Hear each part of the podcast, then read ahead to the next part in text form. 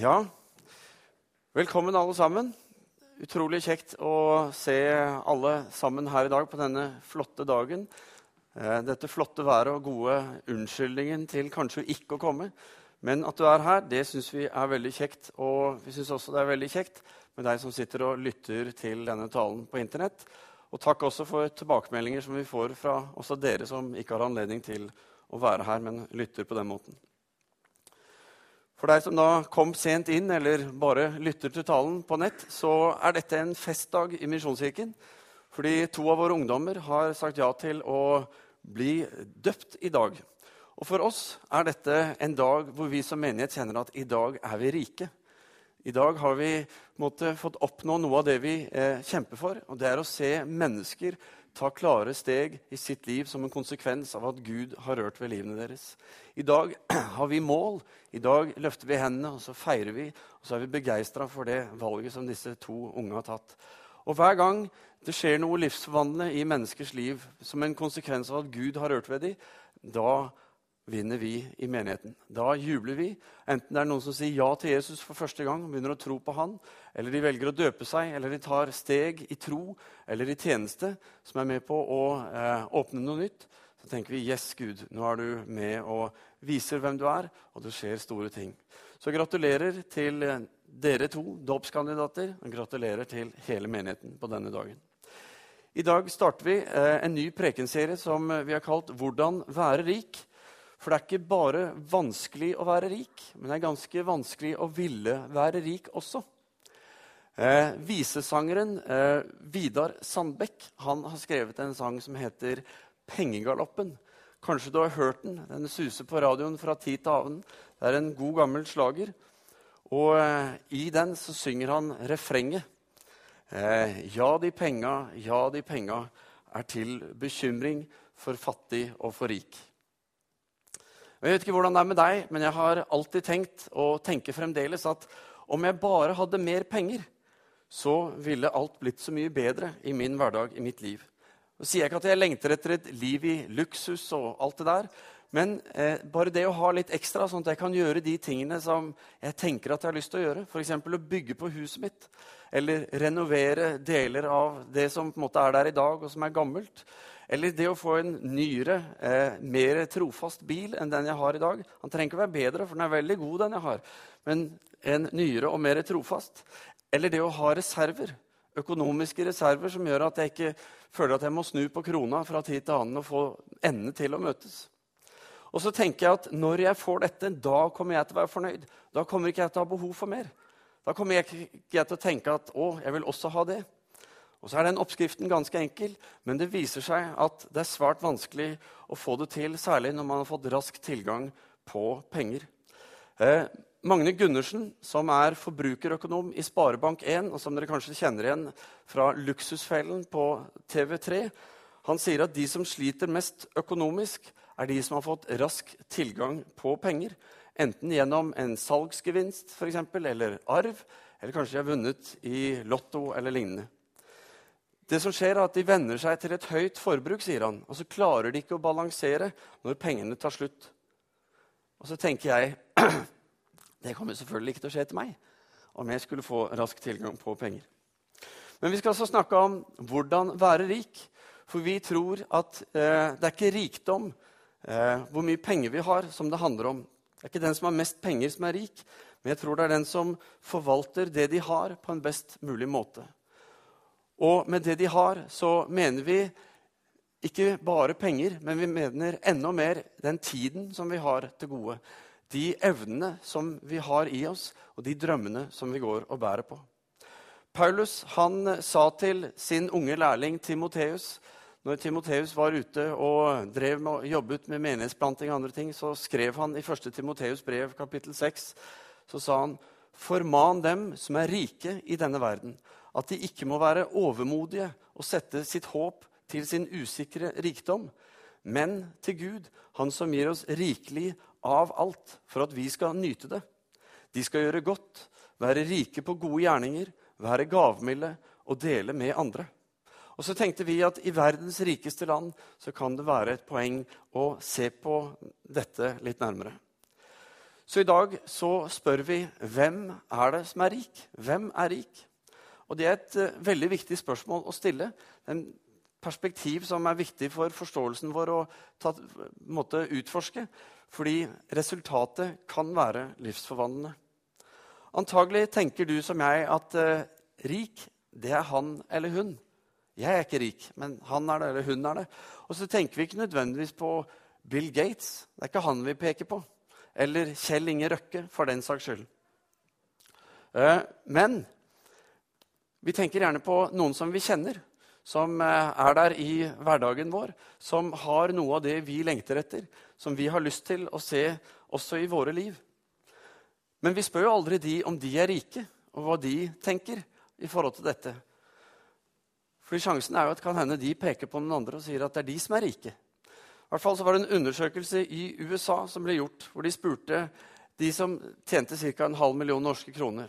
spurte dem, hvem er det som er rike, og Da var svaret vel det er de som tjener én million eller mer.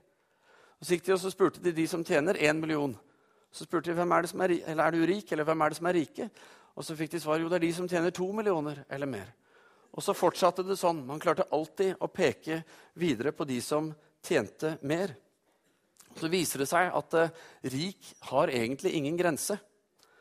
Og er det noe vi mennesker beviser veldig ofte, så er det at mye vil ha mer. Så hvem er da rik, egentlig? Hvis det alltid er den som har mer, så finnes det jo kanskje satt på spissen bare én som er rik, og det er han som er rikest. Men uansett så tror jeg vi ser at det å være rik det er noe vi må se i et litt annet perspektiv. Eh, det finnes en nettside som heter globalrichlist.com.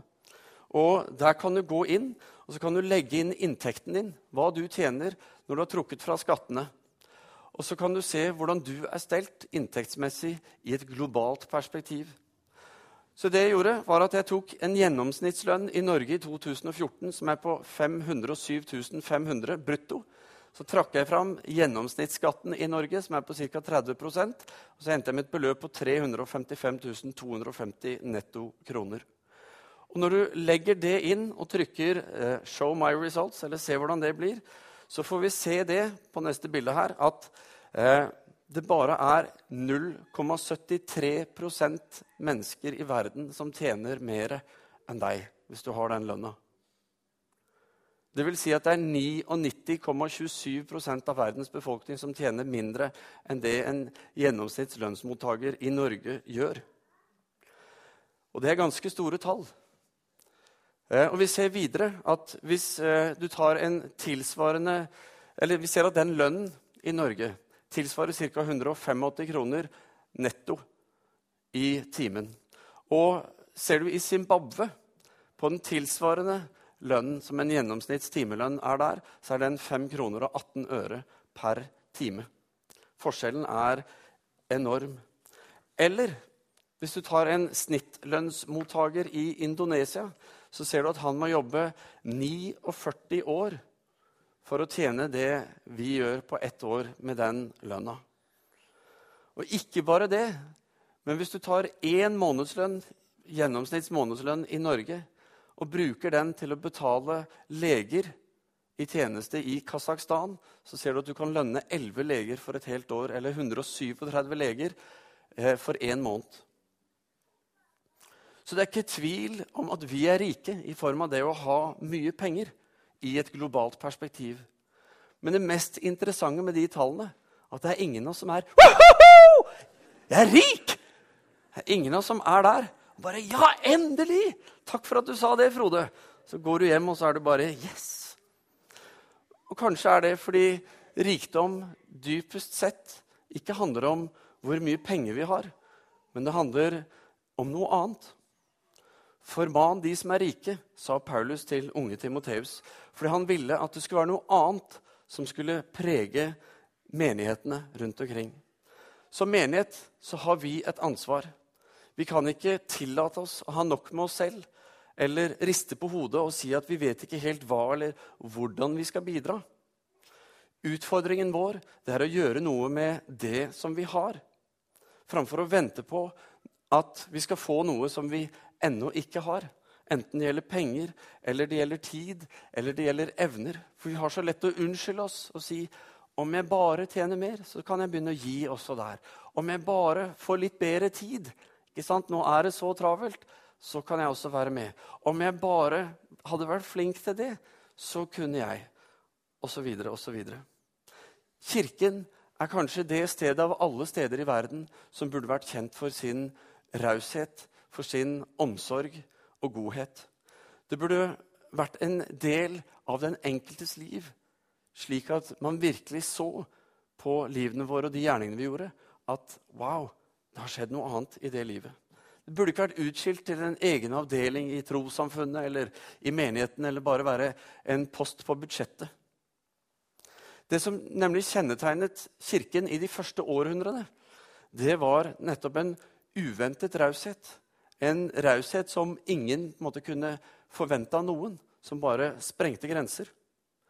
Og dette var en gjeng som var et, 3000 pluss på pinsedag, og som eh, levde i en tid hvor de ble forfulgt, hvor de ble drept for underholdnings skyld, eh, hvor det var virkelig vanskelig å være en kristen.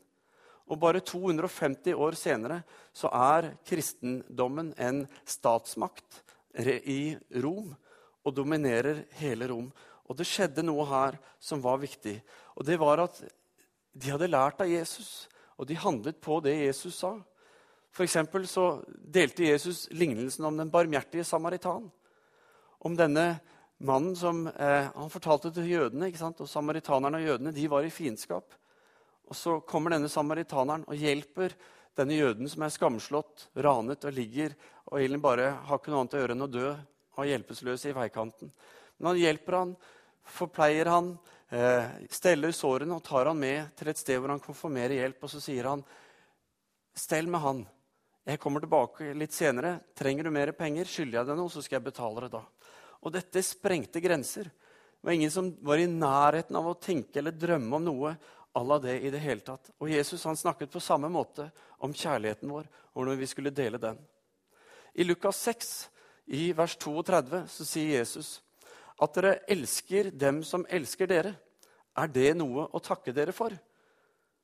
Selv synderne elsker dem de selv blir elsket av. Altså, Det er den menneskelige natur. Du og jeg har natur. Vi er glad i de som er glad i oss. Ikke sant? Vi gir en gave til de som gir en gave til oss. Og Sånn var den betydningen av det å gi den gangen. Liberitas het det ordet som beskrev det, som betyr å gi for å blidgjøre eller behage en mottaker, og med et håp om at mottakeren vil gjengjelde handlingen. Litt sånn det fungerer med bursdag og jul i praksis i vår tid. ikke sant? Vi gir gaver til de, for de gir gaver til oss. ikke sant? Og litt der selvfølgelig legger vi noe mer til, men det var litt praksisen, og sånn var det i mye mer utstrakt grad. Men så sier Jesus noe mer. I vers 35 i samme kapittel så sier han Elsk deres fiender og gjør godt, og lån bort uten å vente noe igjen. Da skal lønnen deres bli stor, og dere skal være den høyestes barn, for han er god mot de utakknemlige og onde. Vær barmhjertige, slik deres far er barmhjertig. Og Dermed så introduserte han en helt ny forståelse av det å gi i ordet caritas som vi også har i Charity, hvor, han, eh, hvor det betyr det å gi for å lindre fysisk eller økonomisk stress uten forventning om å få noe tilbake. For det skjedde noe på grasrota i kirken de første århundrene som var bemerkelsesverdig. Eh, og det som eh, skjedde, det forteller Rodney Stark mye om i sin bok 'The Rise of Christianity'. Rodney Stark han er en eh, professor i religionssosiologi. og Han forteller mange eksempler om hva som preget den første tidlige kirken. Og Han sier bl.a. at når pesten herjet, så overlevde de kristne fordi de valgte å pleie sine egne. Og når pesten avtok, og det var slutt på den, så ble de andre kristne, for de så ikke bare at de kristne hadde pleiet sine egne, men de har også pleid deres. De som de selv hadde utstøtt, hivd ut av byen fordi de var smittet av pesten, og som var utstøtt og ikke fikk være der. De så at de hadde overlevd fordi noen hadde gått inn og tatt hånd om de. Det er mange historier fra den tiden. En annen historie handler om unge Pakomius, som ble innkalt til verneplikt i den romerske hæren. Og eh, når han kom inn og var utstasjonert et sted hvor de var under trening, så var det en tid med lite mat, og mange som sultet og hadde lite. Og når du var lavest i den romerske hæren, så var det også lavest prioritert hva det gjaldt mat. Så de, var, de sulta mye og hadde det trangt og vanskelig. Men det de opplevde, disse rekruttene, det var at en gruppe med kristne kom til dem og ga dem mat og stelte dem og hadde omsorg for dem og hjalp dem i en tid hvor de kristne selv hadde god grunn til å si vet du hva, jeg har nok med meg selv og mine. Og når Pakomus var ferdig som soldat, så valgte han å reise tilbake til dette stedet og oppsøke disse kristne. Fordi det hadde gjort så utrolig stort inntrykk på han. Og Det ledet til at han også ble en kristen, og ble en stor kristen leder kjent som Pakomus den store. Du kan google han og lese mer om han. Det er sagt det at penger kan kjøpe oss ting som skaper en følelse av lykke. Men vi kan aldri kjøpe selve lykken. Å være rik det handler ikke om hvor mye penger eller eiendeler vi har. Det er en avsporing. Å tro det, det er å bomme på målet. For rik på penger handler alltid om mer penger, og der finner vi ikke noe hvile. Aristoteles Onassis, ikke filosofen fra noen tusen år tilbake, men en av verdens rikeste menn eh, for noen tiår tilbake. Han sa det at jo mer du eier, jo mer vet du hva du ikke eier. Og Så sa han også noe annet. Han sa det at millionene makter ikke å fylle menneskenes dypeste behov. Der ser du overskriften fra en gang hvor det står 'What Onassis wants, Onassis gets'. Han hadde det som han trengte. En annen riking som ikke var fullt så rik, men som absolutt var kjent og rik, det var Freddie Mercury, vokalisten i bandet Queen. Og han sa i et intervju etter eh, mange mange år som en av de største rockestjernene, så sa han i et intervju like før han døde, tidlig på 90-tallet, sa han du kan ha alt i denne verden og likevel være verdens mest ensomme menneske. Dette er den bitreste form for ensomhet. Suksessen den har gitt meg idolstatus verden over og millioner av pund. Men den har hindret meg i å oppnå det vi alle trenger et kjærlig og vedvarende forhold. Å være rik det handler om en indre lykke, en indre opplevelse av fred og tilfredshet som ikke kan måles i kroner og øre. Å få bety noe, en forskjell i et annet menneskes liv, det er med på å skape denne indre gleden Å få lov til å oppleve at livet er meningsfylt, og bruke av sine egne gaver og evner til å forandre verden rundt seg. Enten det er i små, enkle handlinger, eller vi får være med å gjøre store ting, så er eh, det det som fyller livet med fred og med glede og med en forståelse av hva sann lykke er. Og Jesus ønsker at vi skal få lov til å leve det livet hvor vi kjenner på denne indre tilfredsheten og gleden over dette. Jesus sa i eh, Matteus 11 så sa han, 'Kom til meg, alle dere som strever og bærer tunge byrder, og jeg vil gi dere hvile.' 'Ta mitt åk på dere og lær av meg, for jeg er mild og ydmyk av hjerte.' 'Så skal dere finne hvile for deres sjel.' Og Med de ordene så sa han også noe om hva vi som menighet skal være, og hva du og jeg som kristne skal være. Like før påske så sendte vi ut en mail fra menigheten med en invitasjon til å være med og hjelpe Ahmad, en eh, syrisk venn og en flyktning som eh, hadde vært i Norge noen måneder, gått her i menigheten siden januar, og som eh, hadde situasjonen at hans kone eh, og to barn, gutt på tre og jente på to, de var fremdeles i Syria, hvor det var, som dere vet gjennom nyhetene, fryktelig vanskelig. Vi satte i gang en prosess på å hjelpe disse med å komme til Norge. Papirene fra UDI var klart, og hvis de bare kom seg til ambassaden i Beirut i Libanon, så skulle de få hjelp videre der. Og mange var med og bidro, og vi samlet inn eh, mye penger. Og når vi var eh, på Flor og Fjære forrige søndag, hadde menighetstur dit og hadde møte der, så kunne vi fortelle at nå var de kommet hit til Norge. Og ikke bare det, men de var med oss på turen. Og Ahmad selv var framme, og han takket.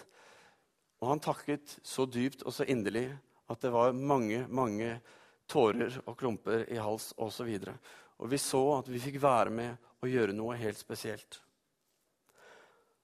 Og vi føler oss alle rikere når vi får være med på noe sånt. Fordi gjennom våre handlinger så får vi lov til å være med og forvandle liv. Og så ser vi at det vi får gjøre hos andre, det gjør noe også med oss.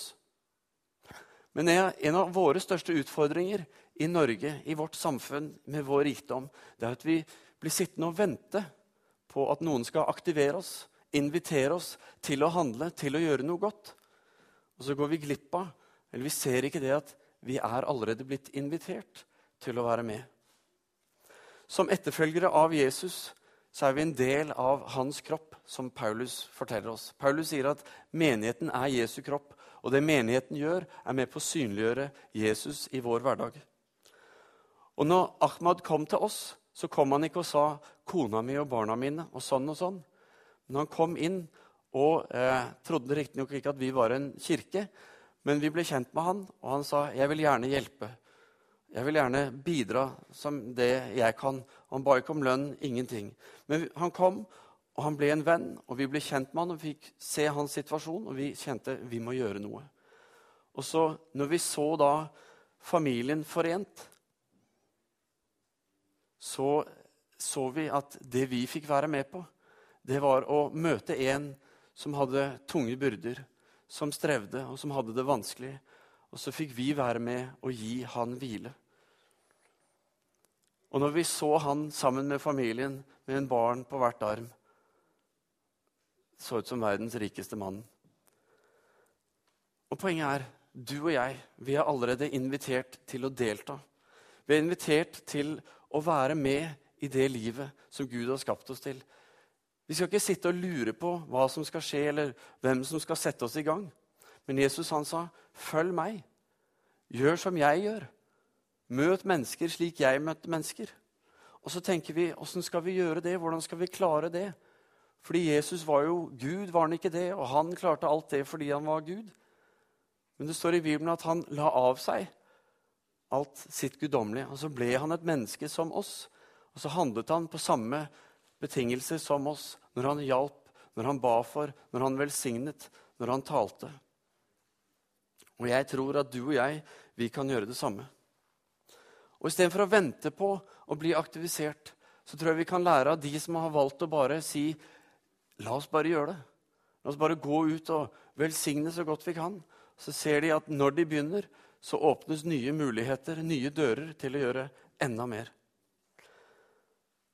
Og så er poenget at når det skjer, når vi får være med på det, så hjelper vi ikke bare andre, men Gud får lov til å gjøre noe i våre liv. Det som skjer bl.a. når vi følger Jesus, når vi velger å måtte trosse vår egen frykt, velger å bare si ja, nå gjør jeg det, nå hjelper jeg han. Da ser vi at de hindringene som alltid har virket uoverkommelige i våre liv, de er ikke der lenger de tingene som diskvalifiserte oss. Vi har tenkt at 'nei, jeg kan ikke', 'jeg har levd et for dårlig liv', eller 'jeg er ikke god nok', eller alt det. Når vi begynner å handle på det Jesus sa, og følge han, så forsvinner også de diskvalifiseringene. Det vi må gjøre, det er å ta steget ned fra tribunen, komme oss ut på banen. Til det stedet hvor vi ikke bare kan synse og mene om hva som burde skje der nede, men komme oss ned der hvor vi får være med å forme de valgene som tas være med å påvirke den retningen ting tar, slik at liv blir forvandlet. Og Jesus han har invitert oss inn i et liv med en rikdom som ikke først og fremst handler om penger, men som handler om for det første å ta imot Han og erfare Hans fred i våre liv. Og også få lov til å leve ut det livet Han har kalt oss til det livsforvandlende livet som han levde, får vi lov til å være med på. Og så trenger vi ikke frykte for at ikke vi skal være gode nok, men han har sagt at han vil være med oss hver dag. Han vil hjelpe oss, han vil gi oss kraft når vi trenger det. Han setter ikke inn på banken på forhånd for at du skal gå i full visshet, men han sier, 'Gå, du, i tro, så skal du få erfare at jeg er med deg'. Og Så sa han det, som vi skal avslutte med enkelt, hvor han sa Søk først Guds rike og hans rettferdighet, så skal dere få alt det andre i tillegg. Hvis du ønsker å erfare hva det vil si å være rik, så skal du søke Gud og la den rikdommen han har for deg, få lov til å utfolde seg i ditt liv. Og Kanskje sier du ja, men jeg har prøvd og jeg har prøvd, og alt det der, og jeg kjenner ikke så mye på det. Så jeg har bare lyst til å oppmuntre deg til å si prøv igjen. Men prat med noen om hvordan du prøvde, eller har prøvd. Kanskje vi kan finne en annen innfallsvinkel. Kanskje er det noe vi trenger å snakke om. Men bare vit det at det livet som Gud kaller oss til, det er et liv i en rikdom som overgår alt det vi selv kan produsere som mennesker. Som overgår alle kroner og ører, alle store hus og flotte biler. Alt hva du kan tenke deg om. Og så handler det om å se mennesker forvandlet. Både til trygge, gode omgivelser, som for Ahmad og familien. Til frelse, til nye steg i tro. Til det som vi får være med på, skal vi be. Kjære himmelske Far, vi takker og priser deg, Herre, for at uh, du ønsker at vi skal få lov til å ha det godt. Du ønsker at vi skal kjenne på en rikdom, Herre, inni oss, inni livene våre som overgår alt det andre. Som ikke er avhengig av om vi har 50 øre på konto eller 50 milliarder på konto. Men så handler det om Herre, at vi får lov til å ta det du har gitt oss. Ta de evnene vi har, eh, og handle på det ordet som du har gitt oss. De løftene som er der. Og så får vi lov til å gå i tro. Og så får vi lov til å se her at eh, når vi tar nye steg, når vi går inn i ukjent terreng, så er du der.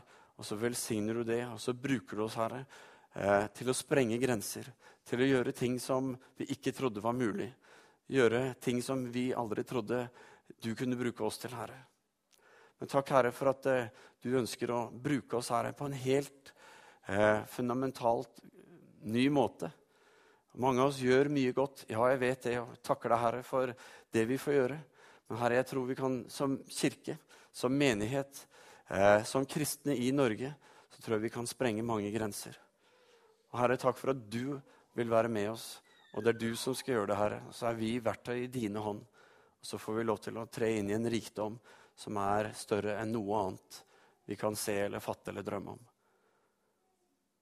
Jeg ber, Herre, at du skal tale til oss nå, Herre. At du skal oppmuntre oss. At du skal la oss få lov til å kjenne i vårt indre og se at det er faktisk vi som er rike. Og at det vi har blitt tilbudt, det er en ufattelig, uendelig stor rikdom. Og så kaller du oss, Herre, til å gå sammen med deg. Til å ta steg i tro sammen med deg. Til å erfare nye, store, små, fantastiske gleder i hverdagen sammen med deg.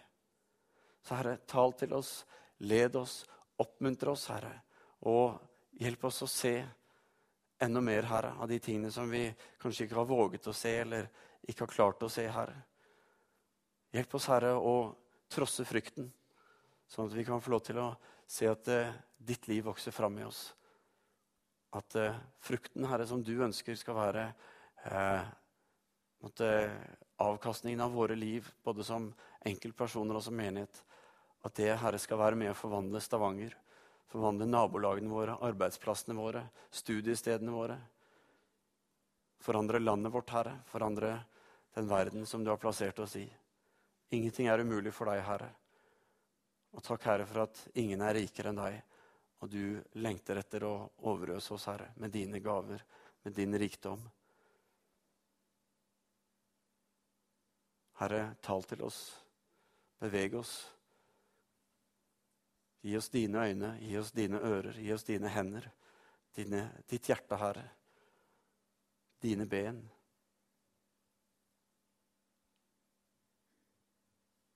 Takk, Herre, for at vi får være med på det mest fantastiske som kan skje i verden. Og Det er der hvor ditt rike går fram. Det er hvor du får lov til å skape noe nytt og forvandle liv. Vi priser deg, Far, i Jesu navn. Amen.